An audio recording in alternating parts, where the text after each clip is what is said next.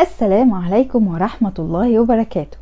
النهاردة إن شاء الله هنكمل حلقة 25 حاجة بتزود ذكاء الطفل. مهم جدا تعلميها لطفلك قبل ما يتم 3 سنين. ولو طفلك أكبر من كده ونسيتي تعلميه حاجة منهم بسرعة ابدأي فيها. لازم تشوفوا الحلقات اللي فاتت هتلاقوها على القناة.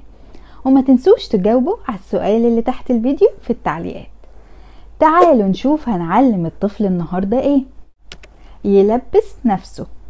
مهارة جميلة جدا جدا. تبان مهارة حركية بسيطة بس في الحقيقة هي معقدة جدا.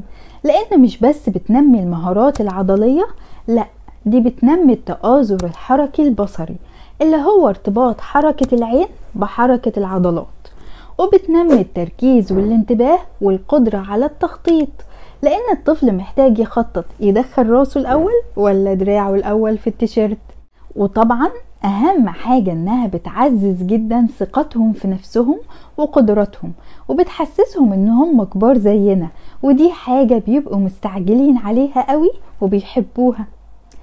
الحقيقة مش كل الأطفال بيبقوا مهتمين بموضوع اللبس ده وكتير منهم ما بيفرقش معاهم ولا بيحبوا يلبسوا نفسهم زي ابني كده فدورنا نشجعهم بدون ضغط عليهم. ودايما نختار الملابس السهلة في اللبس زي طاقية مثلا جاكيت بسوستة بنطلون واسع بحيث الطفل يقدر يلبسه لوحده ويفرح ويحس بالإنجاز وثقته في قدراته تزيد وبالتالي يتشجع إنه يلبس باقي القطع. الحاجة التانية اللي عايزين نعلمها له النهاردة هي أجزاء الجسم. الكلام في المهارة دي اتعاد كذا مرة قبل كده في حلقات تعليم الطفل الكلام.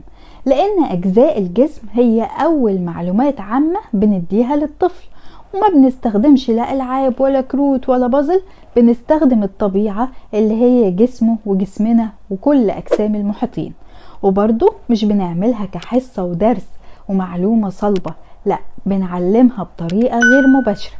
بنغسل إيده نقول يلا نغسل إيدينا أنا هغسل إيدي ايدي نضيفة بنغسل وشه كتير جدا كل يوم. لو كل مرة ذكرنا بنغسل إيه هيحفظه. كوكي هيغسل وشه بالمية نغسل عينه عينه التانية. عندي عينين بشوف بيهم الاتنين. نغسل ودنه ودنه التانية. عندي ودنين بسمع بيهم الصوت. نغسل أنفه أنفه واحدة بنشم بيها الورد. نغسل فمه فم واحد بناكل بيه المم. ممكن وإحنا بنلعب. ارفع إيدك فوق ولو رضيع لسه ارفع له أنا ايده.